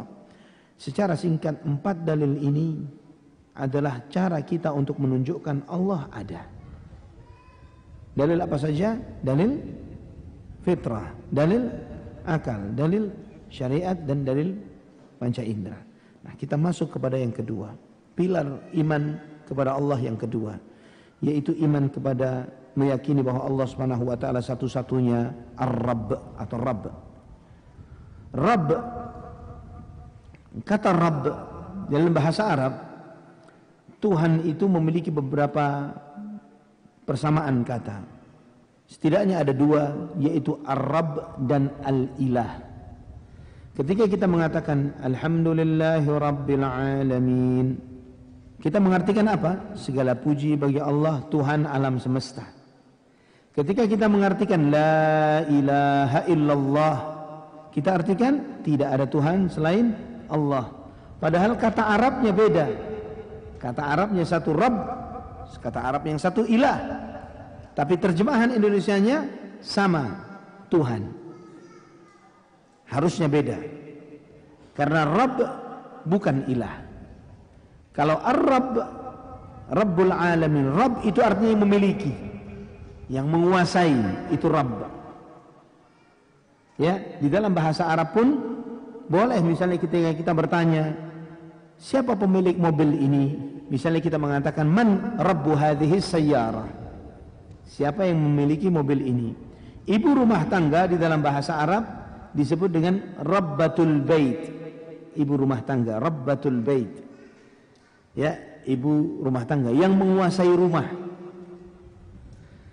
Nah, ikhwatal iman rahimani wa rahimakumullah. Ilah artinya al-ma'bud yang disembah. Nah, Rabb ini ikhwatal iman adalah yang mengatur, yang memiliki, yang memberi rezeki terhadap seluruh alam semesta. Yang menghidupkan dan mematikan mereka. Dalil-dalil ayat Al-Quran dan Sunnah begitu banyak tentang hal ini. Dan orang-orang musyrikin Quraisy mereka meyakini yang satu ini mereka meyakininya. Jadi kalau orang-orang musyrikin Quraisy seperti Abu Jahal dan yang lainnya kalau ditanya, siapa yang menciptakan langit dan bumi? Siapa yang mengatur alam semesta? Siapa yang memberi rizki? Jawabannya Allah Subhanahu wa taala. Dia pasti menjawab Allah. Sebagaimana Allah firmankan dalam banyak ayat Al-Qur'an, di antaranya surat Al-Ankabut ayat 61. Surat Al-Ankabut ayat 61. Allah berfirman, "Wa la in sa'altahum man khalaqas samawati wal ard wa sakhkhara asy-syamsa wal qamar la yaqulunna Allah." Dan jika kamu bertanya kepada mereka, Siapakah yang menciptakan langit dan bumi? Siapakah yang mengatur matahari dan bulan? Niscaya mereka akan mengatakan Allah. La Allah. Mereka akan mengatakan Allah. Ini keyakinan musyrikin Quraisy. Di ayat yang lain di surat Al-Mu'minun dari ayat 84 sampai 89. Allah berfirman, "Qul limanil ardu wa man fiha in kuntum ta'lamun." سيقولون لله قل أفلا تذكرون قل من رب السماوات السبع ورب العرش العظيم سيقولون لله قل أفلا تتقون قل من بيده ملكوت كل شيء وهو يجير ولا يجار عليه إن كنتم تعلمون سيقولون لله قل فأنا تسحرون. tanyakan Allah berfirman tanyakan Milik siapakah bumi dan semua yang ada di dalamnya jika kalian mengetahui? Saya quluna lillah. Niscaya mereka orang-orang musyrikin akan mengatakan milik Allah. Afala tadakkarun? Kenapa kalian tidak mengambil pelajaran? Tanyakan lagi, siapakah Tuhannya tujuh lapis langit dan Tuhannya ars yang besar? Saya quluna lillah. Mereka akan mengatakan milik Allah. Maka tanyakan, kenapa kalian tidak bertakwa? Tanyakan lagi, siapakah yang di tangannya kerajaan, kekuasaan, segala sesuatu dan dia maha melindungi dan tidak ada seorang pun yang dilindungi darinya. Jika kalian mengetahui, mereka akan mengatakan Allah. Maka kalian tanya, kenapa? Maka bagaimana kalian tersihir sehingga tidak kenal dengan Allah Subhanahu wa taala? Orang-orang ini, orang-orang musyrikin Quraisy mereka meyakini bahwa Allah yang mencipta, mengatur dan memiliki alam semesta. Tapi itu belum menjadikan mereka sebagai orang yang bertauhid. Tidak menjadikan mereka sebagai orang yang bertauhid. Dan perlu dipahami ikhwatal iman. bahwa pengakuan mereka tentang tauhidur rabb ini adalah pengakuan bukan keyakinan yang ada di dalam hati bukan karena buah dari ma'rifah bukan tapi karena mereka tidak punya jawaban kecuali Allah ya ketika ditanya siapa yang menciptakan langit dan bumi am khuliqu min ghairi syai'in am humul khaliqun am khalaqus samawati wal arda bal la yuqinun Apakah mereka tercipta dari sesuatu yang tidak ada? Atau mereka menciptakan diri mereka sendiri? Ataukah mereka menciptakan langit dan bumi? Mereka tidak punya pertanyaan ini mereka tidak bisa jawab. Jawabannya satu, Allah Subhanahu wa taala saja. Nah, ikhwatal iman, rahimani wa rahimakumullah. Tidak cukup seseorang itu bertauhid hanya mengakui Allah mencipta langit dan bumi. Buktinya semua yang musyrik yang menyekutukan Allah meyakini itu. Meyakini hal tersebut. Yang menyekutukan Allah Subhanahu wa taala, mereka meyakini siapa yang menciptakan langit dan bumi? Allah. Yang mengatur Allah, yang memberi rezeki Allah. Tapi mereka di dalam beribadah mereka beribadah tidak hanya kepada Allah saja tapi beribadah kepada yang lainnya. Itulah syirik. Nah, ikhwatal iman. Perlu kita pahami bahwa orang-orang musyrikin Quraisy dan yang semisalnya mereka cuma tahu tapi tidak sampai kepada tingkatan ma'rifah mengenal akan Allah Subhanahu wa taala. Karena ikhwatal iman, ketika seseorang sebagaimana tadi Anda mengajak antum sedikit tafakkur tentang diri kita, tentang alam semesta untuk mengenal lebih mengenal Allah dengan makhluk ciptaannya yang dengan ini akan melahirkan pengenalan kita kepada Allah yang itu membuahkan rasa cinta kepada Allah Subhanahu wa taala. Yang membuahkan rasa untuk terus mensyukuri nikmatnya, untuk memuji Allah Subhanahu wa taala dan itu akan melahirkan buah tauhid, mengesahkan Allah Subhanahu wa taala di dalam ibadah. Adapun orang-orang kafir Quraisy dan yang semisalnya cuma tahu saja tapi tidak kenal. Mereka cuma mengakui tapi tidak meyakini. Dan jangan dan jangan sampai kita kaum muslimin seperti mereka. Hanya tahu tapi tidak yakin. Maka itulah kenapa Allah Subhanahu wa taala memuji orang-orang berilmu karena mereka kenal Allah dengan ilmunya. Innama yakhsyallaha min ibadihi ulama. Sebagaimana Allah firmankan di surat Fatir ayat 28 Sesungguhnya yang takut kepada Allah di antara hamba-hambanya adalah para ulama. Karena yang Allah perintahkan kepada kita, kepada orang-orang berilmu, bukan cuma sekedar melihat, melihat, tapi bertafakur, merenungi, memahami bahwa di balik segala sesuatu sesuatunya ini adalah Allah Subhanahu wa taala.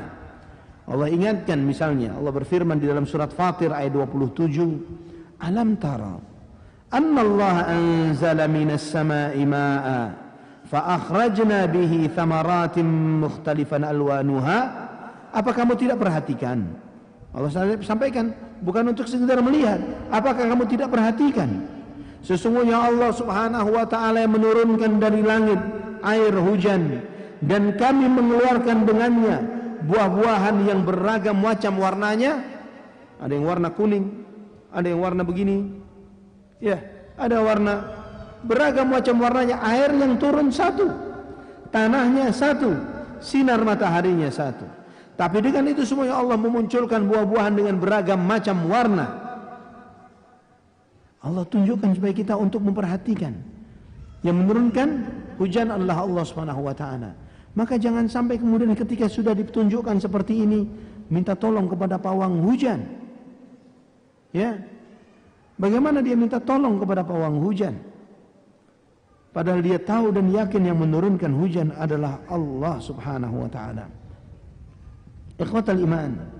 Seorang hamba tidak akan mungkin menjadi hamba Allah yang sejatinya benar-benar menjadi hamba Allah sampai dia memiliki kemampuan untuk tafakkur terhadap makhluk ciptaan Allah Subhanahu wa taala.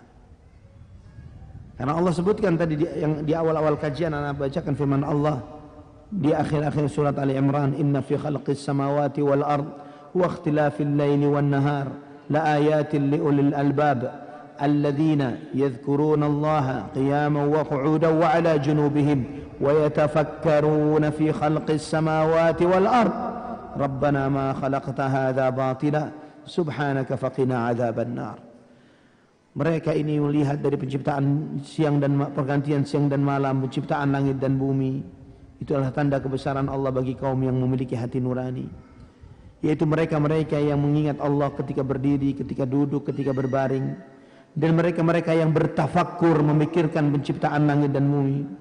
Dan mereka sampai kepada kesimpulan Rabbana ma khalaqta hadza batila. Wahai Tuhan kami, tidaklah Engkau ciptakan ini semuanya sia-sia.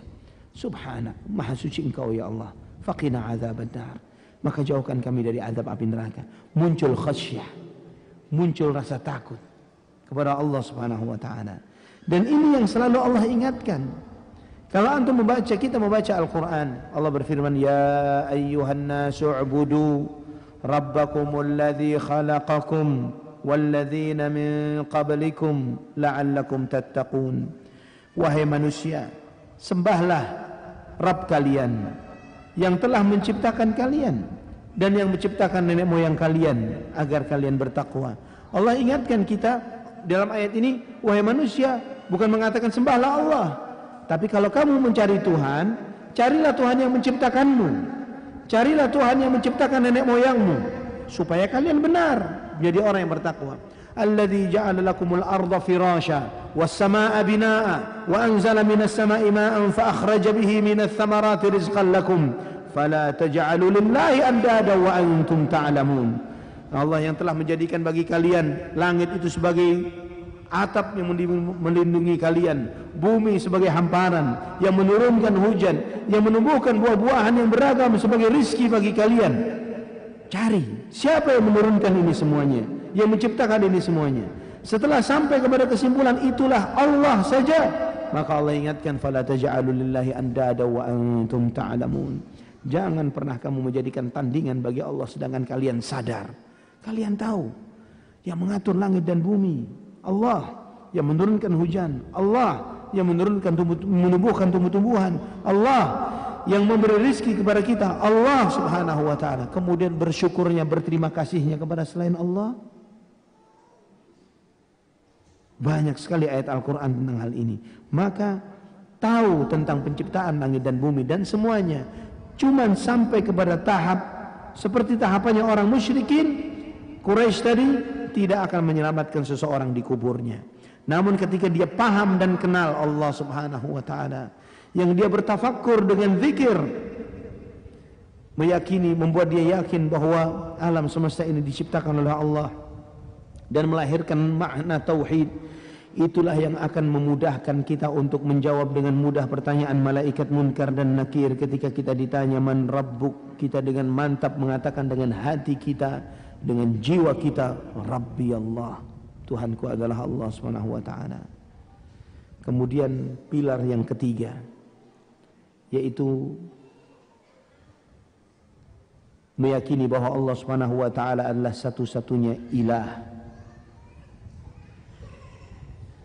Inilah yang dimaksud dengan tauhidul ibadah. Ini disebut dengan tauhidul ibadah. Meyakini Allah satu-satunya ilah. Ini makna dari makna la ilaha illallah. Tidak ada ilah kecuali Allah. Itulah yang dimaksud dengan tauhidul ibadah. Inilah yang disebut dengan sirrul wujud. Rahasia adanya alam semesta. Kenapa alam semesta ini ada? Untuk tauhidul ilah. Allah berfirman, "Wa ma khalaqatul jinna wal insa illa liya'budun." Dan tidaklah aku ciptakan jin dan manusia kecuali untuk beribadah kepada aku. Surat Az-Zariyat ayat 56. Allah tidak menciptakan alam semesta ini agar kecuali agar kita beribadah kepadanya. Maka semua ibadah dengan segala macam dan bentuknya semua ketaatan mutlak hanya kepada Allah Subhanahu wa taala dan tidak boleh dipalingkan kepada selain Allah Subhanahu wa taala.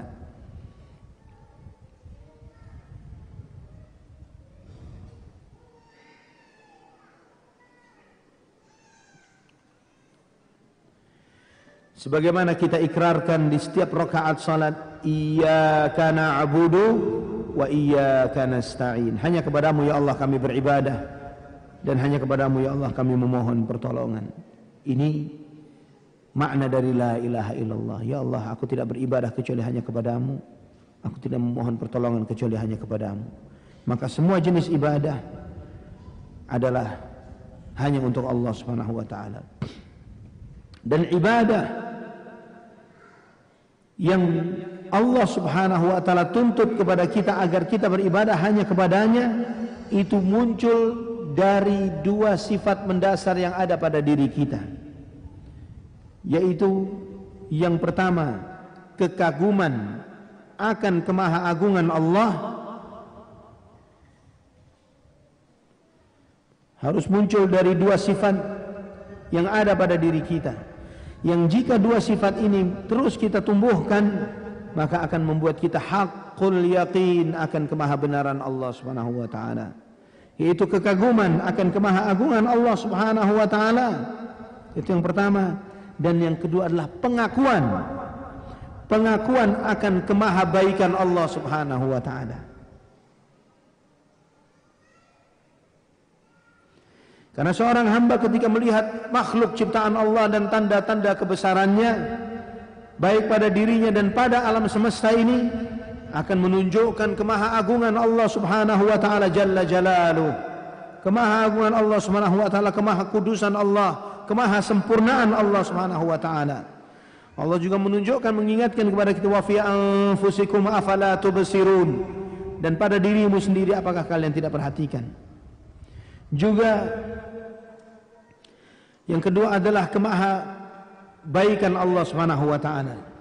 Ya tadi yang pertama adalah kekaguman kepada Allah Subhanahu wa taala akan kemahaagungannya dan yang kedua pengakuan akan kemahabaikan Allah Subhanahu wa taala yaitu ketika kita melihat segala apa yang kita dapatkan dan kita miliki bahwa kita bisa melihat karena nikmatnya Allah Subhanahu wa taala.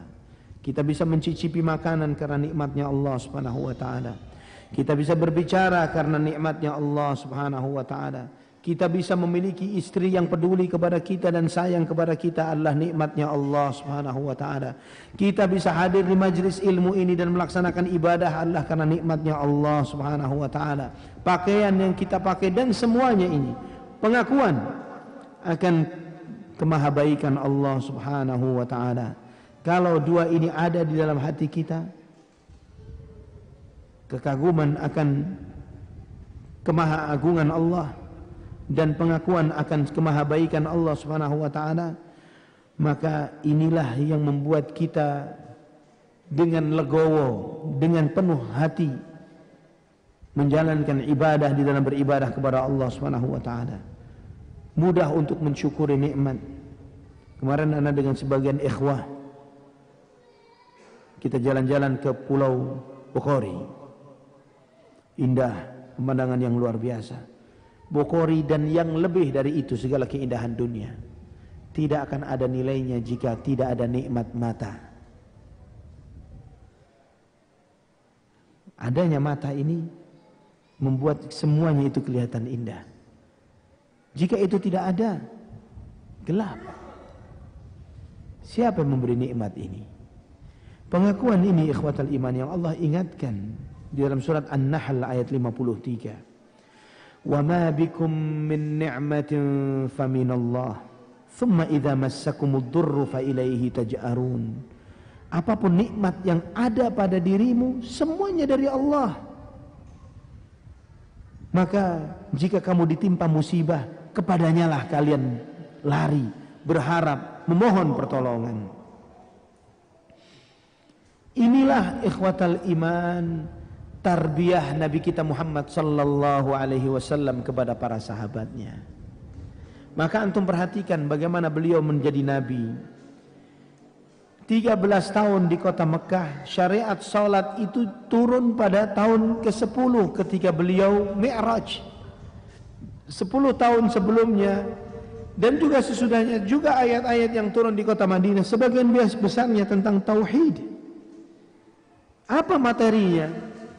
Mengajarkan kepada kita untuk kenal Allah Subhanahu wa taala. Untuk melihat mengakui kemahaagungannya dan mengakui kemahasempurnaan rahmat dan nikmatnya kepada kita. Antum perhatikan ayat-ayat yang pertama kali turun kepada Nabi Muhammad sallallahu alaihi wasallam. Iqra bismi rabbikal ladzi khalaq. Min 'alaq. Iqra wa rabbukal akram alladzi 'allama bil qalam. 'Allamal insana ma lam ya'lam. Bacalah dengan nama Tuhanmu yang telah mencipta. Yang menciptakan manusia dari segumpal darah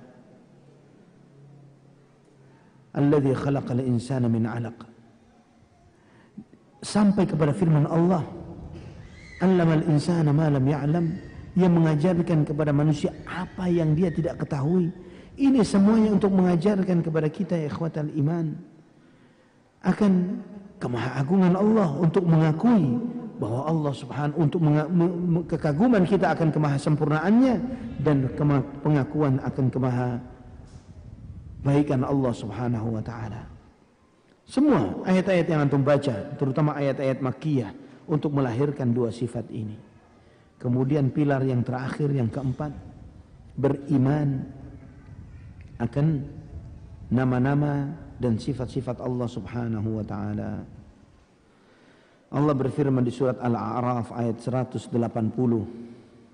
Walillahil asmaul husna fad'uuhu biha wa dharul ladzina yulhiduna fi asma' fi asma'ihi sayujzauna ma kanu ya'malun. Ya dan Allah Subhanahu wa taala memiliki nama-nama yang baik maka berdoalah kamu dengan menyebut nama-nama yang baik itu dan tinggalkanlah mereka-mereka yang menyimpang dari dari terhadap nama-namanya mereka akan dibalas terhadap apa yang mereka perbuat ini mengajarkan kepada kita bahwa semua nama Allah adalah baik semua namanya adalah husna.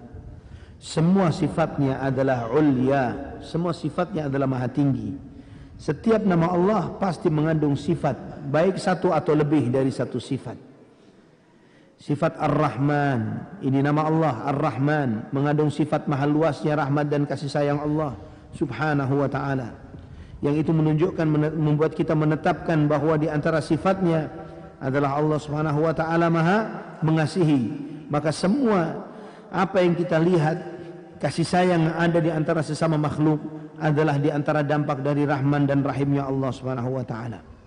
Dan di dalam menetapkan nama-nama Allah ini kita meyakini bahwa Allah Subhanahu wa taala di dalam nama dan sifatnya adalah maha sempurna dan tidak serupa dengan makhluknya sebagaimana Allah firmankan di surat Asy-Syura ayat 11 laisa kamitslihi syai'un wa huwas samiul basir tidak ada sesuatu pun yang serupa dengan Allah dan dia maha mendengar dan maha melihat. Allah menafikan keserupaan dan menetapkan dua nama. As-Sami' Al-Basir. Maha mendengar maha melihat. Allah maha mendengar Allah maha melihat. Dan kita wajib menetapkan dua nama ini untuk Allah dan dua sifatnya. Yang konsekuensinya tidak ada sesuatu yang luput dari pendengaran dan penglihatan Allah. Dan Allah di dalam maha mendengar dan maha melihat tidak serupa dengan makhluknya. Ikhwatal iman. Kita layak bersyukur ketika Allah mengenalkan namanya untuk kita. Berapa banyak orang-orang hebat di negeri ini misalnya orang kaya kah atau pejabat kah kita berharap kenal dengan dia tahu namanya kenal dengan dia bagaimana kemudian Allah mengenalkan kepada kita nama-namanya Asmaul Husna dan Allah sampaikan fad'uhu biha mintalah kamu kepada Allah dengan menyebut Asmaul Husna ini maka ketika kita dikenalkan oleh Allah dengan nama-nama yang baik ini dan sifat-sifat yang agung dan mulia kita bersyukur kepada Allah kita meyakini bahwa Allah Tuhan kita adalah zat yang maha sempurna, maha esa dan maha sempurna. Dengan segala sifatnya. Dan sifat-sifat Allah. Semuanya. Baik terkait dengan zat dan af'alnya. Apa pun itu yang dijelaskan oleh para ulama. Semua itu tidak serupa dengan makhluknya. Maha sempurna Allah dengan segala sifat dan segala nama dan sifatnya. Wallahu ta'ala ala wa'alam bisawab. Alhamdulillah ikhwatal iman akhirnya selesai materi kita. Anak tadi di awal kajian khawatir tidak sampai karena materi ini materi besar. Materi yang paling besar yang kita pelajari karena izamal uh, karena besarnya suatu ilmu berdasarkan besarnya objek yang dipelajari dari ilmu ini. Kenapa ilmu kedokteran lebih hebat daripada ilmu pertukangan? Karena ilmu kedokteran yang dipelajari tentang manusia dan bagaimana kita belajar tentang tauhid yang kita pelajari adalah zat yang maha sempurna Allah Subhanahu wa taala Rabbul alamin. Wallahu taala ala wa alam bisawab. Yang dimuliakan oleh Allah Subhanahu wa taala, demikianlah uraian materi yang telah disampaikan oleh guru kita dari judul kita di pagi hari ini yaitu memurnikan tauhid. Semoga Allah Subhanahu wa taala meneguhkan iman kita sehingga kita kembali kepada Allah di atas keimanan yang mulia ini. Amin. Baik, selanjutnya kita beralih ke sesi soal jawab. Mungkin bagi jam 12 lewat sekarang. Baik, eh, bagi jamaah sekalian yang mungkin memiliki pertanyaan kami persilakan kepada jamaah yang di belakang.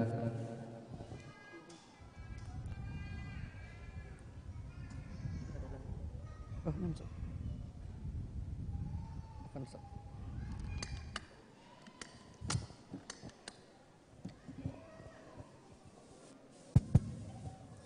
Assalamualaikum warahmatullahi wabarakatuh Bismillahirrahmanirrahim Jadi pertanyaan saya Ustadz Mungkin kalau untuk lebih memperdalam tentang kajian tauhid ini mungkin butuh waktu yang lama. Nah. Tapi uh, saya terkadang berkeyakinan saja bahwasanya kesempurnaan Allah itu terbebas dari segala celah dan kekurangan. Jadi dengan begitu saya yakin bahwasanya Allah itu sangat sempurna. Itu saja mungkin yang saya simpulkan dulu. Apakah ini benar atau tidak? Uh, walaupun sudah jelas bahwasanya Allah Subhanahu wa taala berfirman, "Iyyaka na'budu wa iyyaka nasta'in." Itulah uluhiyah. Kemudian asma wa sifat mungkin kita perlu kaji lagi 99 nama-nama dan sifat Allah Subhanahu wa taala. Tidak cukup sampai di sini. Nah. Kemudian masalah kontemporer Ustadz yang saya ingin pertanyakan karena Ustadz sering singgung-singgung dengan pasak bumi. Ya, berhubungan dengan Ma'isyah. Sebagian saudara-saudara kita mungkin yang mengurup bumi, apakah itu emas atau nikel, apakah ini tidak merusak alam? Apalagi ada yang namanya, minta maaf, lahan koridor. Saya ini belak-belakan aja, karena kita tidak tahu rezeki kita nanti di mana. Apa yang antum tanyakan terakhir Pak? Lahan koridor Ustaz. Jadi lahan legal. Da, ilegal maksud saya dalam dunia pertambangan. Jelas ini tidak ada kajian dampak lingkungan hidupnya. Demikian yang saya pertanyakan. Assalamualaikum warahmatullahi wabarakatuh. Waalaikumsalam warahmatullahi wabarakatuh. Apakah cukup dengan kita meyakini bahwa Allah taala yang menciptakan kita adalah maha sempurna untuk meyakini bahwa Allah taala untuk memiliki keyakinan yang benar akan Allah Subhanahu wa taala tidak cukup. Kalau cukup dengan pemikiran saja, maka apa fungsinya wahyu? Apa fungsinya diutusnya para nabi? Karena orang-orang kafir di luar sana, mereka pun meyakini Tuhan yang mereka cipta itu, mereka sembah adalah maha sempurna. Maka tidak sedikit mereka di luar Islam ketika mereka menggunakan akalnya atau berpikir bahwa Tuhan yang mereka sembah ini maha sempurna, tapi kenapa kemudian mereka menyembah sosok yang pernah hidup dan kemudian mati, makan dan minum dan kemudian dan seterusnya. Ya. Nah, ini tidak mencerminkan kemahasempurnaan. Akhirnya tidak sedikit dari mereka yang dari beragama kemudian jadi ateis karena tidak menemukan Tuhan yang benar. Tidak menemukan Tuhan yang benar. Nah, muslim diberi hidayah oleh Allah Subhanahu wa taala dengan Al-Qur'an, dengan sunnah Nabi Sallallahu Alaihi Wasallam yang ini membuat kita kenal Allah Subhanahu Wa Taala maka tidak cukup dengan akal kita meyakini Allah Maha Sempurna. Kita harus tahu nama-namanya. Harus tahu sifat-sifatnya. Harus tahu apa yang menyebabkan kita mendapatkan ridhonya. Dan harus karena kalau untuk tahu semuanya kita perlu tahu siapa namanya. Tidak mungkin kita berkenalan atau cari kenalan langsung kepada Allah. Tapi harus ada bimbingan wahyu. Harus diutusnya yang mengenalkan kepada kita. Untuk kalian semua apa yang ada di bumi.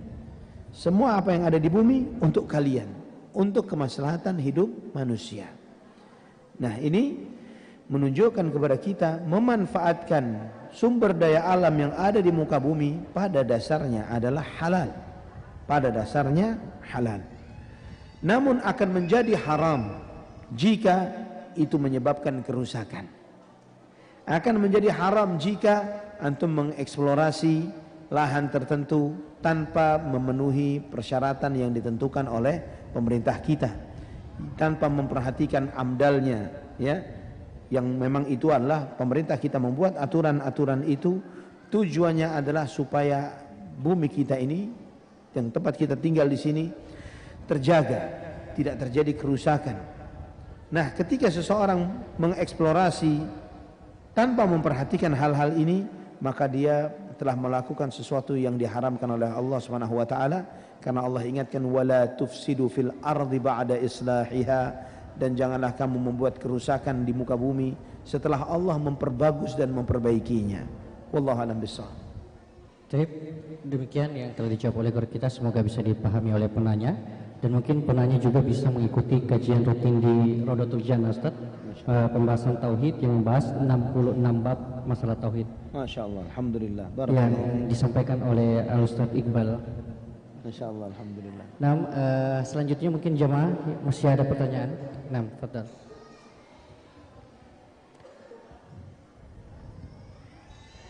Uh, sebelumnya kami mohon kepada uh, Ahwat yang berada di lantai dua yang membawa buah hatinya agar anaknya ditenangkan demi keamanan dan kenyamanan kita bagi penanya untuk bisa didengar.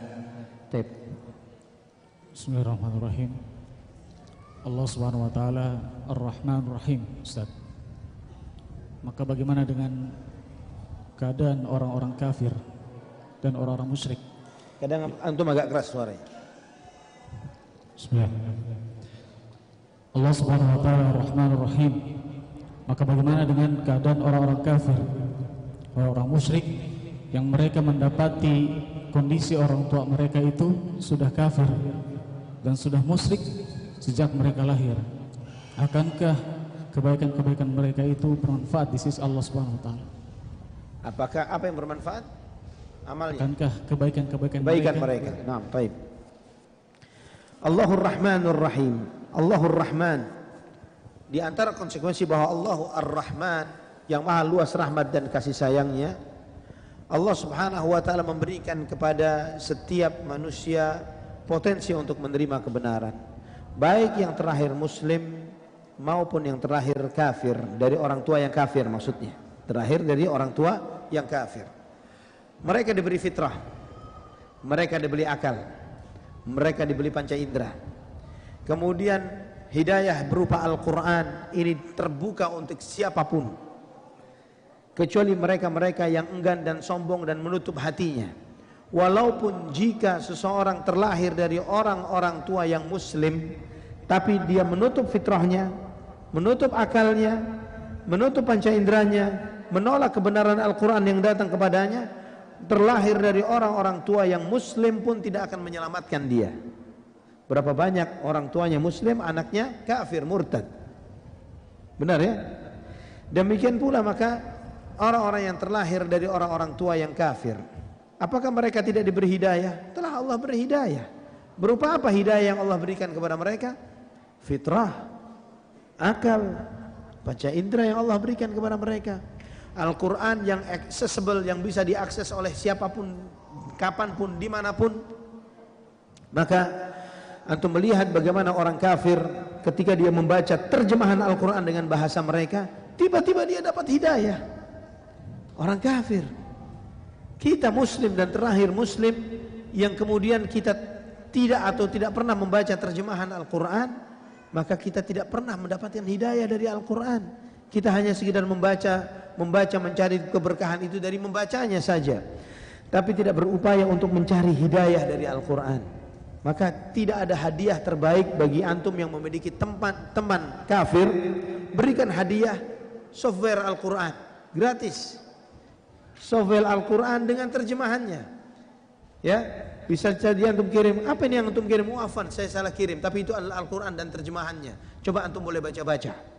Ya, ketika dia membaca-baca dan membandingkan dengan kitab suci mereka, pasti dia pasti dia dapat hidayah Al-Quran, pasti tidak mungkin tidak. Kenapa? Al-Quran kalamullah jalla jalalu. Al-Quran firman Allah subhanahu wa ta'ala. Bukan kalamul bashar, bukan ucapan manusia. Pasti dia dapat hidayah. Nah, bagaimana dengan kebaikan-kebaikan yang mereka lakukan? Apakah bermanfaat? Bermanfaat untuk mereka di dunia. Tapi tidak bermanfaat untuk mereka di akhirat. Semua apa yang mereka lakukan sebagaimana Nabi sallallahu alaihi wasallam bersabda, semua kebaikan yang dilakukan oleh orang kafir semuanya dibalas oleh Allah Subhanahu wa taala di dunia. Dibalas dengan memberikan nikmat, memberikan makanan, memberikan harta, memberikan jabatan, memberikan ketenaran, memberikan apa pun di kehidupan dunia. Ini balasan sampai tidak ada yang tersisa dari kebaikan yang harus dibayar oleh Allah nanti ketika dia di akhirat. Ya, semuanya dibayar oleh Allah di dunia. Nah, ketika dia pulang ke akhirat tidak ada lagi yang dibayarkan untuknya. Karena Allah Maha Adil. Allah a'lam bishawab. Baik, barakallahu fikum wa Kemudian kita bacakan pertanyaan yang dari secari kertas. Assalamualaikum warahmatullahi wabarakatuh, Ustaz. Izin bertanya, apabila sepertiga malam telah tiba yang di mana Allah turun ke langit dunia, yang ingin anda tanyakan dalam akidah ahlus sunnah wal jamaah, bagaimana apakah Allah yang turun secara langsung ataukah ilmunya? Apabila Allah yang turun di langit dunia dalam hal ini, bagaimanakah caranya Allah itu turun? Ini pertanyaan bid'ah. antum boleh mengatakan bagaimana kalau antum tahu hakikatnya. Ya, kalau tahu zatnya maka bisa membayangkan bagaimana sifatnya. Siapa yang tidak meyakini Allah di sini? Semua meyakini Allah. Kalau ditanya bagaimana Allah yang Anda yakini? Apa jawabannya? Enggak kebayang. Betul kan? Kita meyakini Allah Subhanahu wa taala, tapi kita tidak punya bayangan bagaimana Allahnya. Terus kemudian ketika zatnya tidak kebayang, bagaimana kemudian membayangkan sifatnya? Ini sangat tidak masuk akal. Antum bisa membayangkan sifat dari suatu zat kalau antum bisa membayangkan sifat dari zat itu. Membayangkan bagaimana zatnya. Ketika sebelum ada nah, ini ada penemuan baru. Mungkin sebagian besar antum belum belum mengetahuinya. handphone ukuran misalnya segini bisa dilebarkan sampai tiga kali lipat bisa ditarik memanjang. Pernah tahu? Ada yang pernah tahu? Oh, ternyata orang Jakarta lebih tahu. Ya keluaran Samsung. Ada tipe S ada tipe G. S itu karena dilipat ketika dilipat jadi S. Yang tipe G lebih panjang lagi bisa ditarik ke atas dan ke samping. Ini antum baru kebayang ketika diceritakan bendanya. Ini ikhwatal lima rahimani wa rahimakumullah. Kadang orang bagaimana benda segini bisa ditarik empat kali lipat, tiga kali lipat, ditarik ke atas ke bawah. Bisa dan ada, sudah ada bendanya. Sudah ada. Anda tidak tahu apakah Samsung melunchingnya atau belum, tapi sudah ada. Ini sekedar contoh saja ikhwatal iman. Makhluk ketika kita tidak kebayang bendanya, bagaimana membayangkan sifatnya? Maka ketika kita tidak tahu membayangkan zatnya bagaimana membayangkan sifatnya kita harus meyakini apa adanya. Ketika Nabi SAW bersabda yang yanzilu rabbuna tabaraka wa ta'ala ila sama'id dunya fi thuluthil lailil akhir. Fayaqul man yad'uni fa astajibu lah. Man yas'aluni fa utihi wa man yad'uni fa astajibu lah wa man yastaghfiruni fa aghfiru lah. Tuhan kita Allah Subhanahu wa taala turun ke langit dunia pada sepertiga malam terakhir dan Allah berfirman siapa yang berdoa kepada aku maka aku akan kabulkan siapa yang akan meminta maka aku akan memberi siapa yang memohon ampun kepada aku maka aku akan mengampuninya kalau ada orang mengatakan oh, ini yang maksudnya bukan Allah, itu karena dia membayangkan Allah seperti dia. Ketika dia bayangkan Allah seperti dia, maka dia mencoba membelokkan makna dari hadis ini dari yang semestinya. Maka dia katakan ini ketetapan Allah, ini rahmatnya Allah.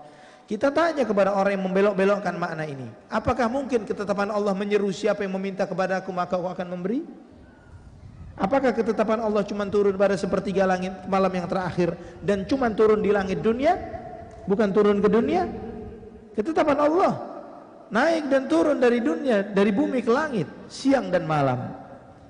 Dan siapa kalau ada yang mengatakan yang turun adalah malaikatnya Allah? Apakah ada malaikat punya hak untuk mengatakan siapa yang meminta kepada aku maka aku akan memberi?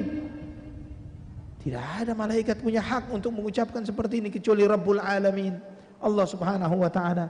Maka tidak ada makna yang sahih dan sarih melebihi apa yang disabdakan oleh Nabi sallallahu alaihi wasallam. Karena tidak ada yang lebih kenal Allah melebihi Rasulullah sallallahu alaihi wasallam. Tidak ada yang lebih fasih di dalam menjelaskan tentang Allah melebihi Rasulullah sallallahu alaihi wasallam. Tidak ada yang lebih tulus di dalam menyampaikan nasihat kepada umat mengenalkan tentang Allah melebihi Nabi Muhammad sallallahu alaihi wasallam. Maka itu menunjukkan bahwa apa yang beliau sabdakan tentang Allah adalah hak dan tidak boleh kita membandingkan membayangkan. Ketika kita membayangkan, maka muncullah bagaimana dan penolakan. Anda sampaikan salah satu contoh hadis. Insyaallah antum sering dan paham akan hadis ini. Qala Allah Jalla wa Ala. Qasamtu salata baini wa qismain. Allah berfirman dalam hadis dalam sahih Muslim aku membagikan salat antara aku dan hambaku menjadi dua bagian. Fa idza qala abdi alhamdulillahi rabbil alamin fa aqulu hamidani abdi. Ketika hambaku mengucapkan membaca al-fatihah alhamdulillahi rabbil alamin Allah berfirman hamidani abdi hambaku memujiku. Wa idza qala abdi arrahmanir rahim Fa'akul maka Allah menjawab Athna alayya abdi. Hambaku mengulang pujiannya kepadaku. Fa idza qala abdi maliki yaumiddin fa'aqulu majjadani abdi. Maka aku menjawab hambaku berlebihan menambahkan lebihan pujiannya kepadaku. Ini setiap kita membaca al-fatihah kita mengucapkan alhamdulillahirabbil alamin Allah menjawab. Ar-rahmanir rahim Allah menjawab. Maliki yaumiddin Allah menjawab. Iyyaka na'budu wa iyyaka nasta'in Allah menjawab setiap kita membaca Al-Fatihah di satu waktu berapa juta orang mengucapkan Fatihah dan semua dijawab oleh Allah? Bisa kebayang bagaimana menjawabnya? Tidak mungkin. Kita tidak mungkin bisa membayangkannya, tapi kita mengimaninya. Kita iman bahwa Allah Subhanahu wa taala Maha benar dan Maha sempurna dengan sifatnya. Wallahu a'lam bishawab. Tip ikhwan aliman yang dimuliakan dan dirahmati oleh Allah Subhanahu wa taala. Karena waktu kita yang terbatas saat ini kita telah masuki waktu sholat zuhur untuk kota Kendari dan sekitarnya. Maka satu pertanyaan tadi merupakan pertanyaan penutup dari kebersamaan kita di kesempatan yang berbahagia ini. Dan tak lupa kita ucapkan barakallahu fiik wa jazakallahu khairan kepada guru kita atas uraian materi dan juga jawaban yang telah diberikan. Dan kembali kami mengingatkan dan juga mengajak kepada hadirin sekalian pendengar dan pemirsa di mana pun anda berada mari kita kembali mengikuti uh, kajian atau safari dakwah guru kita di kota Kendari ini dan insya Allah akan dilanjutkan di Badak Maghrib di hari ini insya Allah di Masjid Jami'an Nur X Hotel Aden yang berada di Jalan Jenderal Ahmad Yani di depan Laki Dende. Insya Allah tema kita di kajian pada maghrib sebentar adalah ketika sifat futur berada di hatimu. Semoga Allah Subhanahu wa taala mudahkan langkah kita sekalian ke majelis ilmu. Kita cukupkan dengan doa kafaratul majelis. Subhanakallah wa bihamdik. Asyhadu an la ilaha illa anta astaghfiruka wa atubu ilaik. Wassalamualaikum warahmatullahi wabarakatuh. Waalaikumsalam warahmatullahi wabarakatuh. Muaz TV. Saluran televisi